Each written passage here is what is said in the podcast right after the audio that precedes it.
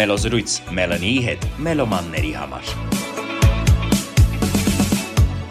Ողջույն, սիրելի ռադիո ոդքասթա լսողներ։ Հույս ունեմ լավ եք ու վայելում եք այս տարվա գունեղ աշունն աշխարի ողջայից էլ, որ միացել ու լսում եք մեր զրույցը։ Դե իսկ մեր այսօրվա հյուրն է երգչուհի Լիլիթ Օսիպյանը, նույն ինքը Դիլիթ։ Դիլիթը։ Ողջույն։ Ողջույն Լիլիթ, ինչպե՞ս ես։ Բարեխառն։ Շնորհակալ եմ հրավերի համար։ Մենք էլ շատ շնորհակալ ենք, որ հրավերն ընդունեցիր ու եկար մեզ հյուր։ Երկար ժամանակ է չէինք հանդիպել, չէ՞ Լիլիթ։ Հա, կարոտել էինք։ Մեր ռադիո լսողների համար ասեմ, որ Լիլիթին ես ճանաչում եմ դեռ համալսարանական տարիներից ու երբ համալսարանական միջոցառումներին երգում էիր, հիշում եմ, որ ձայնդ շատ էր տարբերվում։ Կարծում եմ ուսանողներից շատերը հասկանում էին, որ ձայնիդ միջոցով դեռ շատ հեռուն ես գնալու։ Իսկ ինչ կասես, դու երբ ելույթ էիր ունենում համալսարանի փոքր բեմից, կմտածեիր, որ մի օր կունենաս քո սեփական երգերը, որոնք այդքան կսիրվեն հանդիսատեսի կողմից։ Իրականում մտածում եի այդ մասին, բայց այդքան վառ գաղափար ու այդպիսի պատկեր չկար, որովհետև երբ ես առաջին անգամ երգում էի բեմում, դա անում էի, որովհետև սիրում էի, բայց երբ հիմա եմ երգում, դա անում եմ, որովհետև եւ սիրում եմ եւ հասկանում եմ ինչ եմ անում։ Այսինքն ժամանակի ընթացքում դու սկսում ես մասնագիտության մեջ խորանալ ավելի, լիքը բաներ ես բացահայտում, որի մասին գաղափար չես ունեցել երբևէ։ Ինչպես Delete-ը դարձավ Delete Ինքը եւ բառախաղ է եւ նաեւ երաշտության տեսակն է delete, երբ ինչ որ կերպ երաշտության միջոցով կարողանում ես ջնջել վատ էմոցիաները։ Մենք նստած էինք մի օր, ես, Նարեկը Հովսեփյան, նույն ինքը Էյչիլյան ու Ֆելիքսը Խաչատրյան, ու մենք այդ պահին բեմական անուն էինք մտածում ինձ։ Ֆելոն է առաջարկել, որովհետև նաև ինքը պիտի մի մասնիկ գրեր 3.33-ի ու Delete-ի մեջ վերջին in հենց 3 է։ Անկեղծ իրենք շատ մեծ ազդեցություն են ունեցել ինձ վրա որպես եւ երգչուհի եւ երաժիշտ, եւ ճաշակի առումով, եւ մարդկային ֆակտորների առումով, եւ փորձի առումով, որի համար ես շատ շնորհակալ եմ փաստորեն բազմիմաստ անուն է։ Այդպես է ստացվել, որովհետև նույնիսկ երկերից մեջ էլ ես փորձում եմ ոչ թե ստանդարտ բառեր կպցնել իրար ու հանգավորել, մատուցել ուղակի playlist ավելացնելու համար ինչ որ մի գործ, իմ համար շատ կարևոր է իմաստը։ Ես հիմա էլ նույնիսկ արտիստներ եմ փնտրում, որոնք մեր մեջ ասած փախած բառերով գրեն։ Լիլիթ, կհիշես առաջին երգը, որ ստեղծել ես ու կոչել ես երգ։ Սկզբի շրջանում անգլերեն եմ ստեղծագործել, այնտեղ մի ալբոմ անգլերեն էի գրել։ Ինքս ինձ կնքել էի, որ ես ով պետք է գնամ Ամերիկա եւ այնտեղ զարգացնեմ եմ ամեն ինչ, բայց խոսքը մեր մեջ էստեղ զարգացնելու շատ ավելի կարևոր տեղեր կան, շատ ավելի կարիք կա այդ ամենի։ Առաջինը գրել եմ մինիմալը, 18 տարեկան եմ եղել, գրեթե վերջերս եմ նոր հասկացել մինիմալի իմաստը։ Ես երբ սկսում եմ այս մասին խոսել, ես առաջին ասում եմ, որ ես պոետ եմ, հետո նոր երգող, երգահան կամ ստեղծագործող, որովհետև մանկուց հայերենի ու այդ գրականության հանդեպ սերը իմ մոտ միշտ եղել է։ Բայց երբ որ ես հասկացա, որ կարելի է իրան մեղեդիել ավելացնել ու իմ ձայնային տվելները գոնե թույլ են տալիս մինիմալը, ես սկսեցի իրեն նաև մեղեդի ավելացնել։ Լիլիթ, քո կարծիքով երաժշտական ոճիդ վրա ամենաշատը որ արտիստի ոճի կամ երևույթի ազդեցությունն է զգացվում։ Իրականում մինչև այս վերջերս Չիլան շատ ասում է, որ Էրիկա Բադու է շատ անում։ Դե իրականում ես ֆանատ եմ եղել Բադուի, բայց Բադուի ժամանակները անցել է իրականում։ Ակոն Արու եմ շատ սիրում։ Այնքան հետաքրքիր արտիստներ կան, բայց ես հիմնականում նախընտրում եմ old school, ավելի հին են մյուզիկը, որ շատ լավ G-funk ա եղել եւ այլն։ Կամ չգիտեմ, Տերաս Մարցին, Էրիկ Բենետ, իրենք շատ զիլ դեմքեր են եղել ու ես հիշում եմ նույնիսկ վինիլով, որ իրենց լսում էինք, երբ դեռ այսքան հնարավորություններ չկային էլի։ Շատ շատ են այդ արտիստները, նույնիսկ հիմա շատ կազախների եմ լսում, որովհետև կազախները հիփ-հոփում մուտանտ են։ Այսինքն ոչ թե ձայնի համար եմ լսում կամ մեղեդի, այլ գաղափարի։ Այն ժամանակվա old school-ն ու հիմիկվանը բացարձակ կապ չունեն իրար հետ։ Եթե հնարավորություն ունենայիր ինչ-որ երաժշտի հետ համագործակցել, լինի նա ողջ թե մահացած, ում կընտրեիր մեկ հոգի։ Չգիտեմ։ Հիմա իրականում փակակցերը չբացեմ, բայց շատ տաղանդավոր երաժիշտ կա, որի հետ համագործակցում ենք, հայ։ Չեմ կարող ասել այս պահին, բայց պրոյեկտ է գալու։ Երբ է գալու։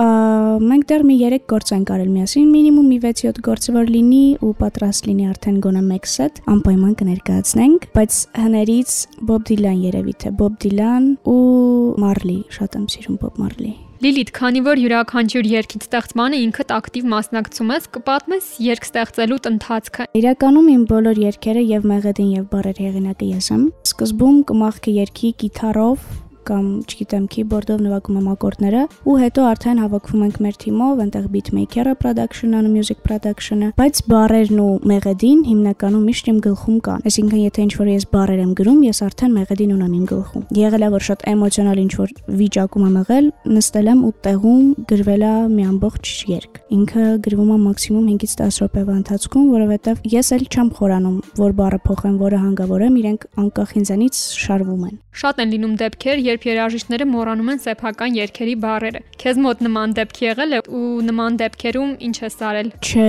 երբեք չի եղել հենց դա։ Օրինակ մենք մի հատ պրոյեկտում էինք, ես ու Չիլան, Չիլան միշտ մոռանում է բառերը, բայց իմ դեպքում երբեք չի ստացվում, տենց որովհետև ես անգիր ունեմ իրենց իմ մտքում։ Չգիտեմ ոնց է ստացվել, բայց բախտս բերել է ես հիշողությունից հələ չեմ կարողում։ Մանավանդ որ ինքդ էլ հեղինակում ես, կարծում եմ դա էլ մեծ ազդեցություն ունի, որ հիշես։ Հա, իհարկե։ Ես կոչվում ես, կոմեմ որ ես լսում ես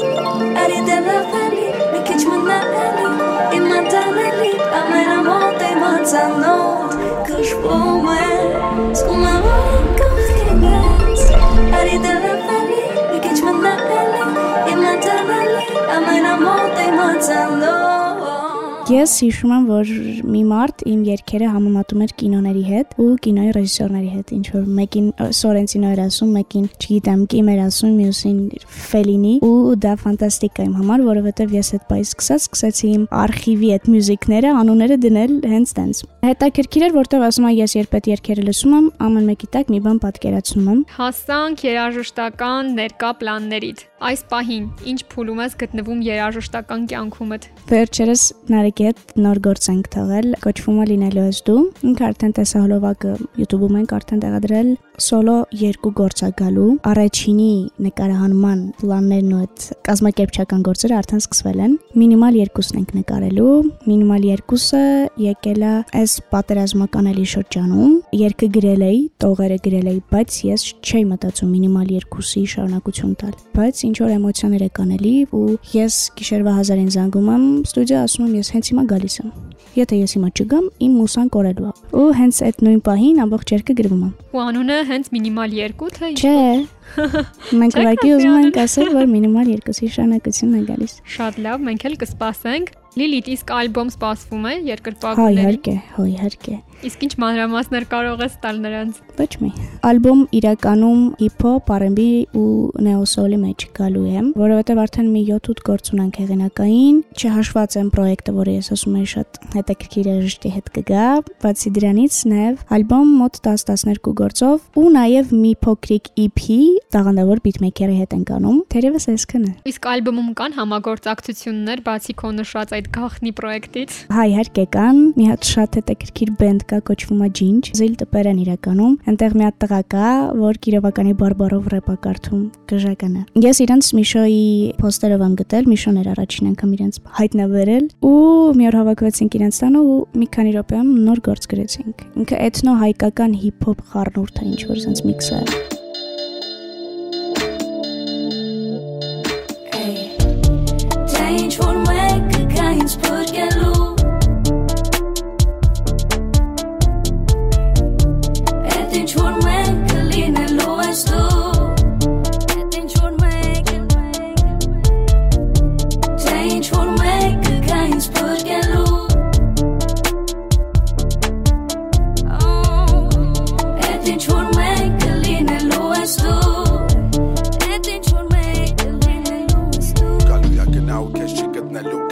կմնաս կհոգնի փնտրելուց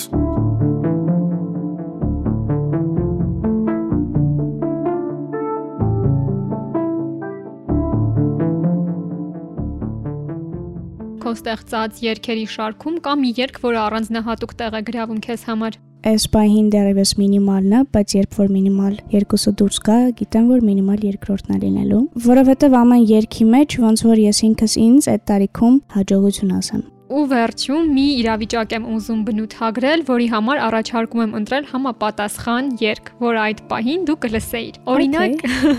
օրինակ իրավիճակը հետևյալն է. գտնվում ես մի մեծ սենյակում, որը ողողված է գունավոր լույսերով ու փայլերով։ Բարձր երաժշտություն է հնչում ու բոլորը ապարում են, բայց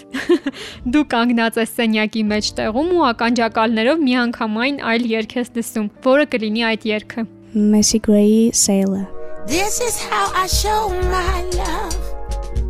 I made it in my mind because I blame it on my ADD, baby.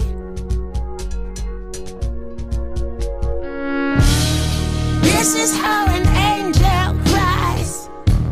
I blame it on my own sick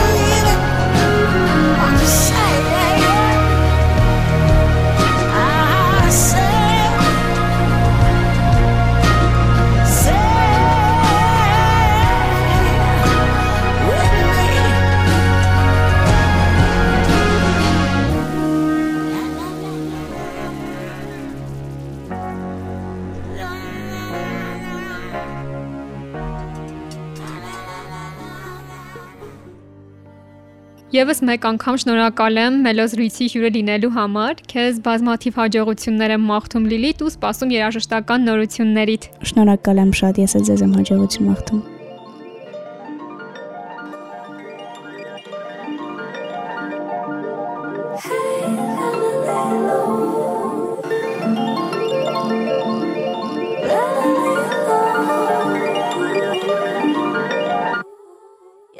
Yes, կշվում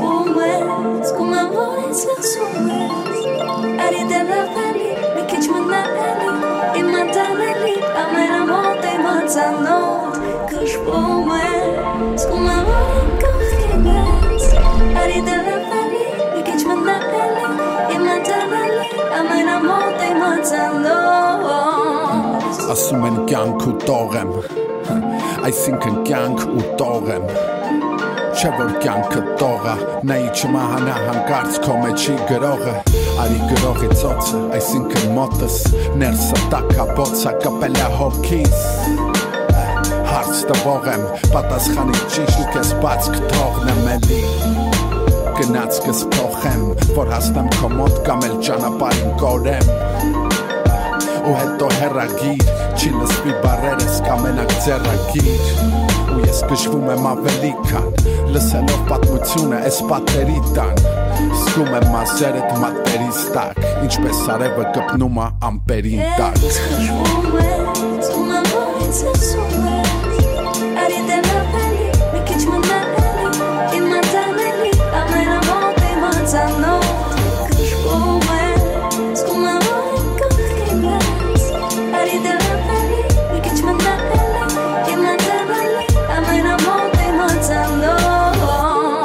գտիր քո մեջ եթե ունես հարցեր Քո մտկերումը միակ հասցես Սպիտակ պատեր վրան սևով գրած Ինչ որ բաներ բայց ումա նվիրված Մենակ թե իմանայր ինչ եմ զգում Քո համար տիեզերք եմ հորանջում Մոլորակներ որ պտտվեն քո շուրջ Վերջում էլ շարվեն դառնան քո համար կամուրջ Որ քայլես դեպի ինձ դու Ձերքս բռնես ու տանես ինձ դու Թե չէ շեղվել եմ ես ճանապարհին Բայց մնալով քեզ հավատարիմ Ասա էլ ինչ անեմ որ գրավեմ քեզ Գուցե հերիք չի ես գրած երկս Դու ես միակ ելքս Գնում ես դու, գնում է խելքս